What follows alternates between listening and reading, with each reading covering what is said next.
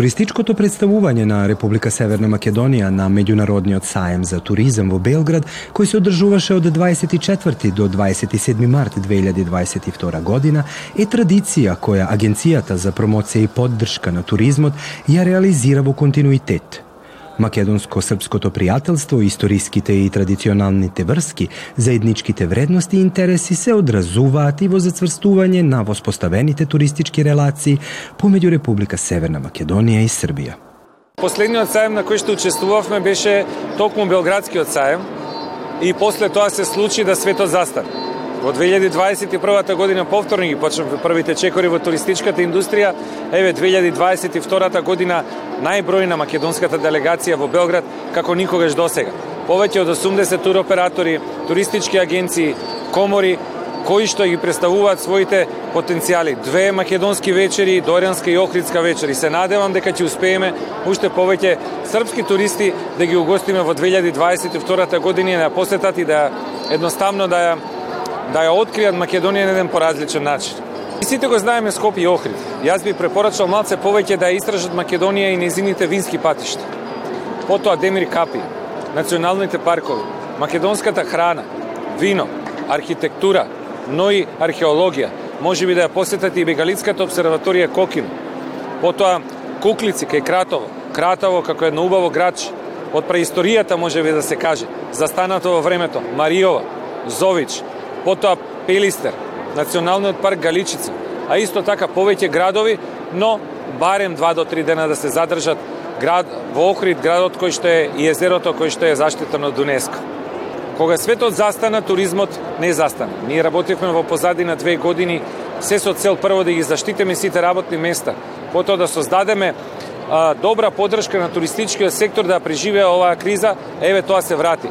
Новата реалност во туризмот нема да биде повторно како 2019 година. Во 2021 година успеавме да бидеме само минус 3% во девизниот прилив од туризмот во македонската економија. Се надевам дека веќе 2022 година ќе ги надминеме резултатите во девизниот прилив од 2019 година, а ќе успееме сите заедно и со отворениот Балкан токму во нашата дестинација да имаме повеќе од 2,6 милиони ноќевања Најголемиот предизвик за земјите од отворениот Балкан е да создадеме пазар од некаде 10 милиона домашни туристи. На таков начин ќе бидеме доволно конкурентни со сите останати дестинации, бидејќи туризмот едноставно не познава територијални граници. Има само дестинација, тие се движат дотаму до каде што можат туристите да патуваат. Па Певе, да ја создадеме нашата дестинација која што ќе патува до таму, до каде што има атракции. Благодарам и на вас. Секако посакувам на сите и пожелувам на сите српски граѓани, а и македонци кои што живеат во Србија да не посетат токму оваа 2022 година. На саемот присуствуваше и Аркан Керим, председател на Туристичко-угостителската комора на Македонија, кој истакна дека една од главни задачи во иднина ќе биде регионално и меѓународно поврзување со сите компании од секторот на туризам и угостителството. На тој начин, здружени полесно ќе ги детектираат предизвиците во насока на подобро деловно обкружување и развој на оваа многу значајна гранка. Ние а, како комора ќе организираме нашите членки да може да се представуваат на сајмите. Организирано сите ќе одиме на сите глобални големи светски сајми. значи а, како што е Белград, Истанбул, Берлин, ќе одиме во Америка, во Њу Йорк, ќе одиме во Канада, ќе пробаме значи се што треба да направиме за да а, после се ова завршување на цела оваа ситуација да можеме што поголем број на туристи да донесеме на, на, во нашата земја. Многу е добро да се видиме кај сме, што сме после 2-3 години, што ни се деси оваа глобална пандемија и мислам дека е многу добро да се презентираме на вакви сајми, зашто ние сега се почуваме од ново се што било до 2019 тоа завршува и се фрла во вода. Сега требаме се од поново да правиме, значи да се поставиме со луѓето као нова дестинација, као сите све ново. Нема ништо мислам од тоа старото што било и мораме да ги направиме работи како што треба. Оваа година интересот на македонските општини да ја презентираат својата туристичка понуда е за поздравување. Општините Охрид, Дојран, Демиркапија и Гевгелија го видоа потенцијалот за привлекување што поголем број српски туристи и зголемување на нивниот престој во регионите каде што се нудат туристички продукти интересни за гостите од Србија. Ме радува фактот што после две години конечно доаѓаме повторно на сајам. Општина Дојран е четврти пат четврти пат на овој сајам и на вистина имаме големи потенцијали кои што можеме да ги понудиме, затоа сме и овде. За прв пат оваа година ќе правиме и Дојранска вечер каде што ќе се организираат заедно со рестораните, заедно со сите потенцијали кои што ги нудиме. Ќе имаме многу гости од Република Србија, каде што ќе можеме сето тоа да го испрезентираме и еден мал дел да доловиме од самата ситуација, бидејќи оваа година со нас и рестораните, кои што ќе презентираат сите, сите оние специјалитети кои што може да се вкусат во Дојран, сето она што го нудиме како а, сместувачки капацитети, така што навистина има што да се покаже и што да се понуди. Србија е навистина голем пазар и а, секако е дел Дојран имаме огромен број на српски туристи кои што доаѓаат дел како транзит туристи, но ме радува фактот што во последно време доаѓаат се повеќе српски туристи кои остануваат поголем дел и го користат својот одмор во Дојран, затоа што Дојран на вистина има што да се види и што да понуди за српските туристи. На српскиот пазар ние сме достапни веќе неколку години, повеќе од 10 години. Значи најголем дел на транзит туристи кои подат во Грција на одмор и ние сме точно на, на пола пат од е, нивниот одмор, така да одмараат по една од две вечери кај нас и заминуваат во, во Грција на одмор. Исто така и за големите љубители на вино, двете поубави винари од Македонија, а и љубителите на авантуристичкиот туризам. Имаме повеќе атракции, значи на клисурата изобилува со над 400 патеки за спортско накачување. А, тука е тој да го кажам авантуристички туризам. Имаме 11 на патеки обележани за за планински велосипедизам, исто така за пешачење, посета на пештери и исто и, и наблюдување на редките птици затоа што Димир Капи изобилува со повеќе од 113 вида на, на птици. На овогодинешниот сајм на туризам во Белград се представија и членовите на Амфора, единствениот меѓународно лиценциран нуркачки центар во Македонија, кој ги следи програмата и стандардите на Scuba Schools International. Нивниот тим од квалификувани професионални инструктори ќе ве научи како да нуркате на единствен и интересен начин, Целата опрема за нуркање што се користи е направена од реномирани производители кои ви обезбедуваат удобност и безбедност. Се наоѓаат во Музејот на вода во заливот на Коските, на околу 15 километри од центарот на градот Охрид. Значи, центар се наоѓа во склоп на музејскиот комплекс, комплекс Заливот на Коските музеи на вода нуди почетнички тури за клиенти кои немаат никакво искуство предходно, за луѓе кои сакаат да станат сертифицирани нуркачи и нуркачки тури за групи или нуркачи кои веќе имаат искуство во нуркањето на интернационално ниво. Има многу различни локации во на територија на Охридсково езеро на кои се нурка. Има одлични услови за нуркање, особено во текот на летната сезона од периодот мај до крај на септември, некојаш и почеток на октомври, во зависност од временските услови, се нурка најчесто во склопот на затворените води на заливот на Госките, меѓутоа се оди на локации на поголеми длабочини врз основа на стекнатото искуство. Нуркачките курсеви траат од 3 до 5 дена, можат да се завршат во рок од Неко, може да се завршат во рокот, примерот два викенди, можеме да бидеме пофлексибилни во тој поглед. Има 6 теоретски лекции, на 25 практични вежби кои се прават во вода.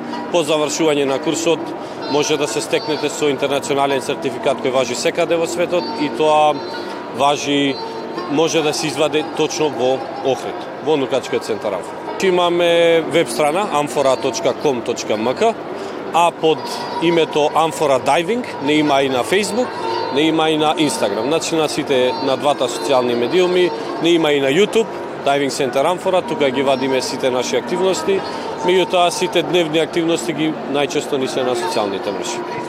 Српскиот туристички пазар е еден од најзначајните за македонскиот туризам, па поради тоа се превземат активности за промоција со цел зголемување на бројот на српски туристи и остварени ноќевања.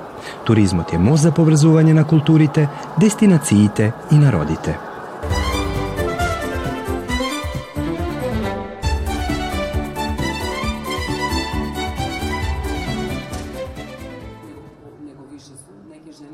На овогодинешниот сајм на книга на Новосадскиот сајм на штандот на Европска престолнина на култура под името Сеоби на душите се одржа представувањето на една од најактуелните регионални писателки Румена Бужаровска.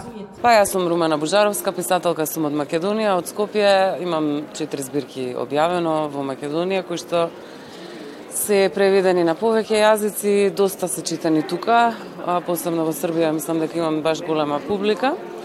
А, се бавам и со превод на од англиски на македонски книжевен и предавам американска книжевност а, и преведување на филолошкиот факултет во Скопје. Тоа се кратко за, за мене. Да, и ете, а, сум коорганизаторка на женскиот а, па да речам еве настан женската иницијатива за раскажување приказни пич прич и со тоа така тоа се битните работи. Расказите мои се главно фокус, се фокусираат на е, е, женски ликови, конкретно некои се само женски аспект напишани, например мојот маж, кој што има представа тука исто во ЈДП, и во Скопје има во Драмски театар, и во Словенско народно гледалиште. А, тоа се, значи, тие а, приказни се многу често посттранзицијски, хиперреалистични би рекла дека се а, за а, начинот па семејни са голем дел од нив, а, исто така. И сега имаат различни тематики. Например, последната а, зборувам повеќе, иако се повеќе ни женска призма, за а, комплексот на инфериорност кон странците што го имаат македонците, за раселеноста како некаков тип на концепт, исто за миграциите, кои што еве сега денеска зборуваме тука на сајмот. А, но мојот маж беше повеќе за а, жени кои што зборуваат навидум за своите мажи, ама всушност зборуваат за себе. Во осмица мислам многу така посттранзицијски прика... Ой, расказите. Првата чкртки е така нај а, а, повеќе со некои приказни за срамот, од телото, на пример, и така натаму. Тоа се тие теми. Една од главните протагонистки во приказните на Румена е токму семејната жена. Каде е положбата на жената во обштеството денес, нашата соговорничка додава многу е подобра позицијата на жената во денешно време било каде на светот, а исто така и на Балканот. А, со самото тоа што жената е извадена од домот, а не е само асоцирана со куќата, затоа беше и оваа книга тука, мислам, супер е насловната, затоа што наместо глава има куќа и излезена приказната од аспектот на тоа дека жената а, е, се гледа само како мајка или како некоја што треба да чисти, да бере, да готви. И со тоа да се каже дека ета супер е, а, дека дека ги има сите тие улоги, затоа што на извесен начин е столб. Но тоа се приказни кои што веќе ги а, ги надминуваме. Светаме дека жената треба да се отвори а да и се дадат можности, тоест да си ги земе, затоа што патриархатот не ги дава, а можностите кои што и припаѓаат. Секој јазик е богатство, така што а, многу е битно ако веќе имате можноста да го да го наследите тој јазик, а, да си го негувате колку што можете повеќе, затоа што ќе ви помогне во многу аспекти каде што никогаш нема ни да забележите дека а, дека дека сте имала некаква некаков аир да речеме од тој јазик.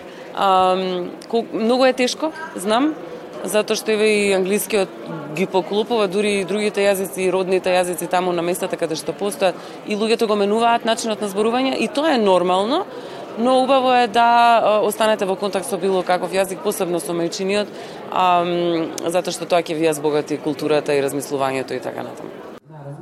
Румена Божаровска е родена во 1981 година во Скопје.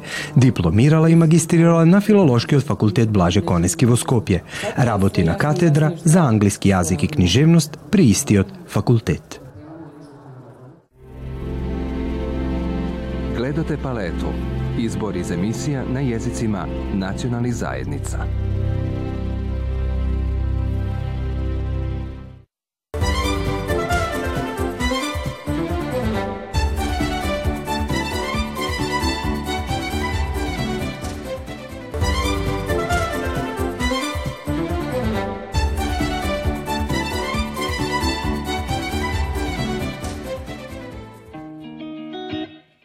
Во фоајето на Новосадскиот театар беше отворена изложба на слики на Владимир Илиевски од Скопје, Вукашин Војводиќ и Душко Пуин од Нови Сад.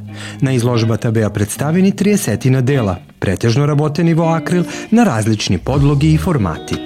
Јас сум Владимир Илиевски од Скопје, уметник, дипломирав пред десетина години во Скопје и до сега имам десетина изложби самостојни И сега еве за прв пат во Србија имам изложба заедно со уште двајца уметници од Нови Сад.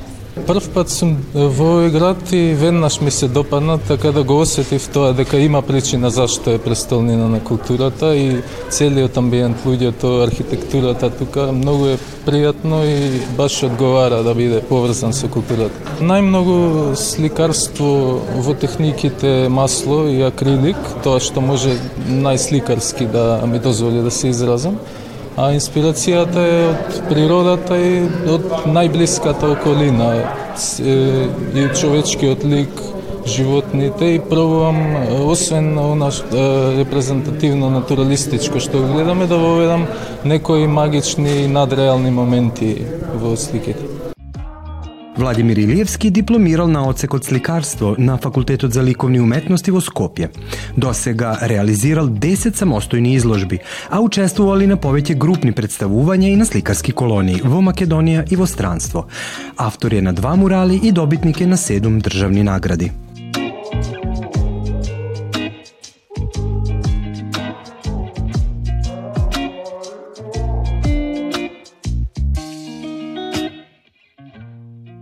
Па овде се некои од последните на некои мои љубители веќе им се познати, тоа се сликите со Елени и некои ликови, женски ликови што се да речеме во некој занос со долги коси, тоа е така специфично препознатливо. Ова е специфично може да се каже заедничка изложба, не е групна каде што имаш само едно или две дела, тука пак секој се представува посебно како своја група или серија на работи има но сепак сме сите заедно во еден простор и е, се обидовме некако да се скомбинираме меѓусебно. И да, инако има разлика, самостојна одговорноста, мораш изборот да го направиш од цел свој опус, да го исполниш просторот. Кај групната не, не се зема тоа секогаш во обзир, но тука затоа што бевме само тројца, моравме секој посебно да го направи изборот и на крај заедно да се склопиме. Секое творење заедно со други уметници е важно затоа што во ликовната уметност еден голем сегмент е личното творење, она субјективното, но важно е човек да се поврзе со други уметници за да може да направи некоја паралела, да види некакви разлики или сличности од своето творење до до останатите уметници.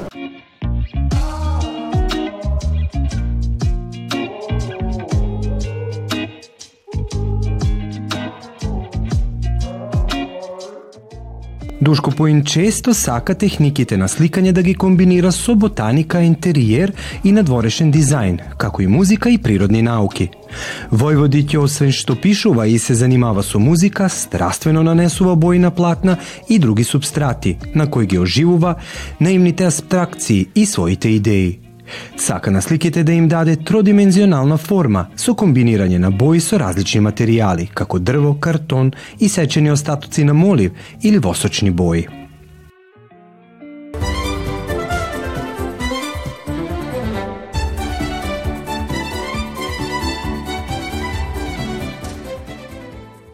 Татјана Власова од Вршац се занимава со рачни изработки. Во последно време претежно се тоа украси за коса занимавам со, работ, со рачни работи уште као дете. Тоа сум научила од баба ми, од мајка ми. Значи, таа традиција овај, од Македонија сум ја пренала и овде. И така да овај, сум пренала и на нови материјали кои се сега во тренд. Порано се а, хеклало, штрикало, везело, шиело, а сега се тоа изработуваат од некои нови материјали, као што се а, жици, не знам, а, нови а, технолошки производи као што се а, декоративни а, овај лепкови и овај а, перли, овде ги викаат перли, кај нас монивца ги викаме. И овај така да овај се вклопувам во новиот тренд кој се бара, кој се девојки за, матуран, за, за матура, кога се крштевки за мали дечиња и така тоа, украси за коса, мингјуши, брошеви и така. Во своите радови настојува да ја представи македонската традиција. Таа традиција се е, е, прожима и во нашите производи. Значи, дали се тоа некои мотиви македонски, поготово црвената боја, кај мене доста влијае. Овој, тоа е сигурно о, нешто наследно што ние го сакаме.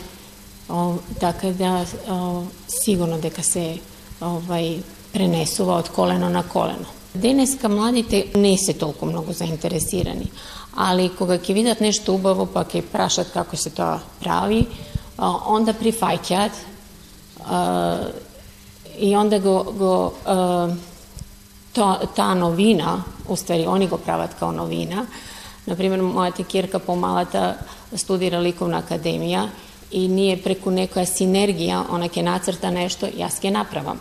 Така да ја мотивисувам на нешто што е традиционално. Преку моите е, украси, Јас а, а, го промовисувам не само својот јазик, него и својата култура. Татјана Власова во Вршац се дојдена од Скопје, член на Здруженијето Вардари и вели дека е многу битно македонците да имат здруженија, зборуваат македонски јазик и да промовираат македонската култура. Тоа е многу битно, поготово због јазикот, затоа што овдека а, едино со кој можете да, да проговорите македонски се вашите сонародници, е тачно дека и со децата зборуваме на македонски јазик, али е, се чувствувате потопло околу срцето кога ќе се зборите со своите сонародници на својот мајчин јазик.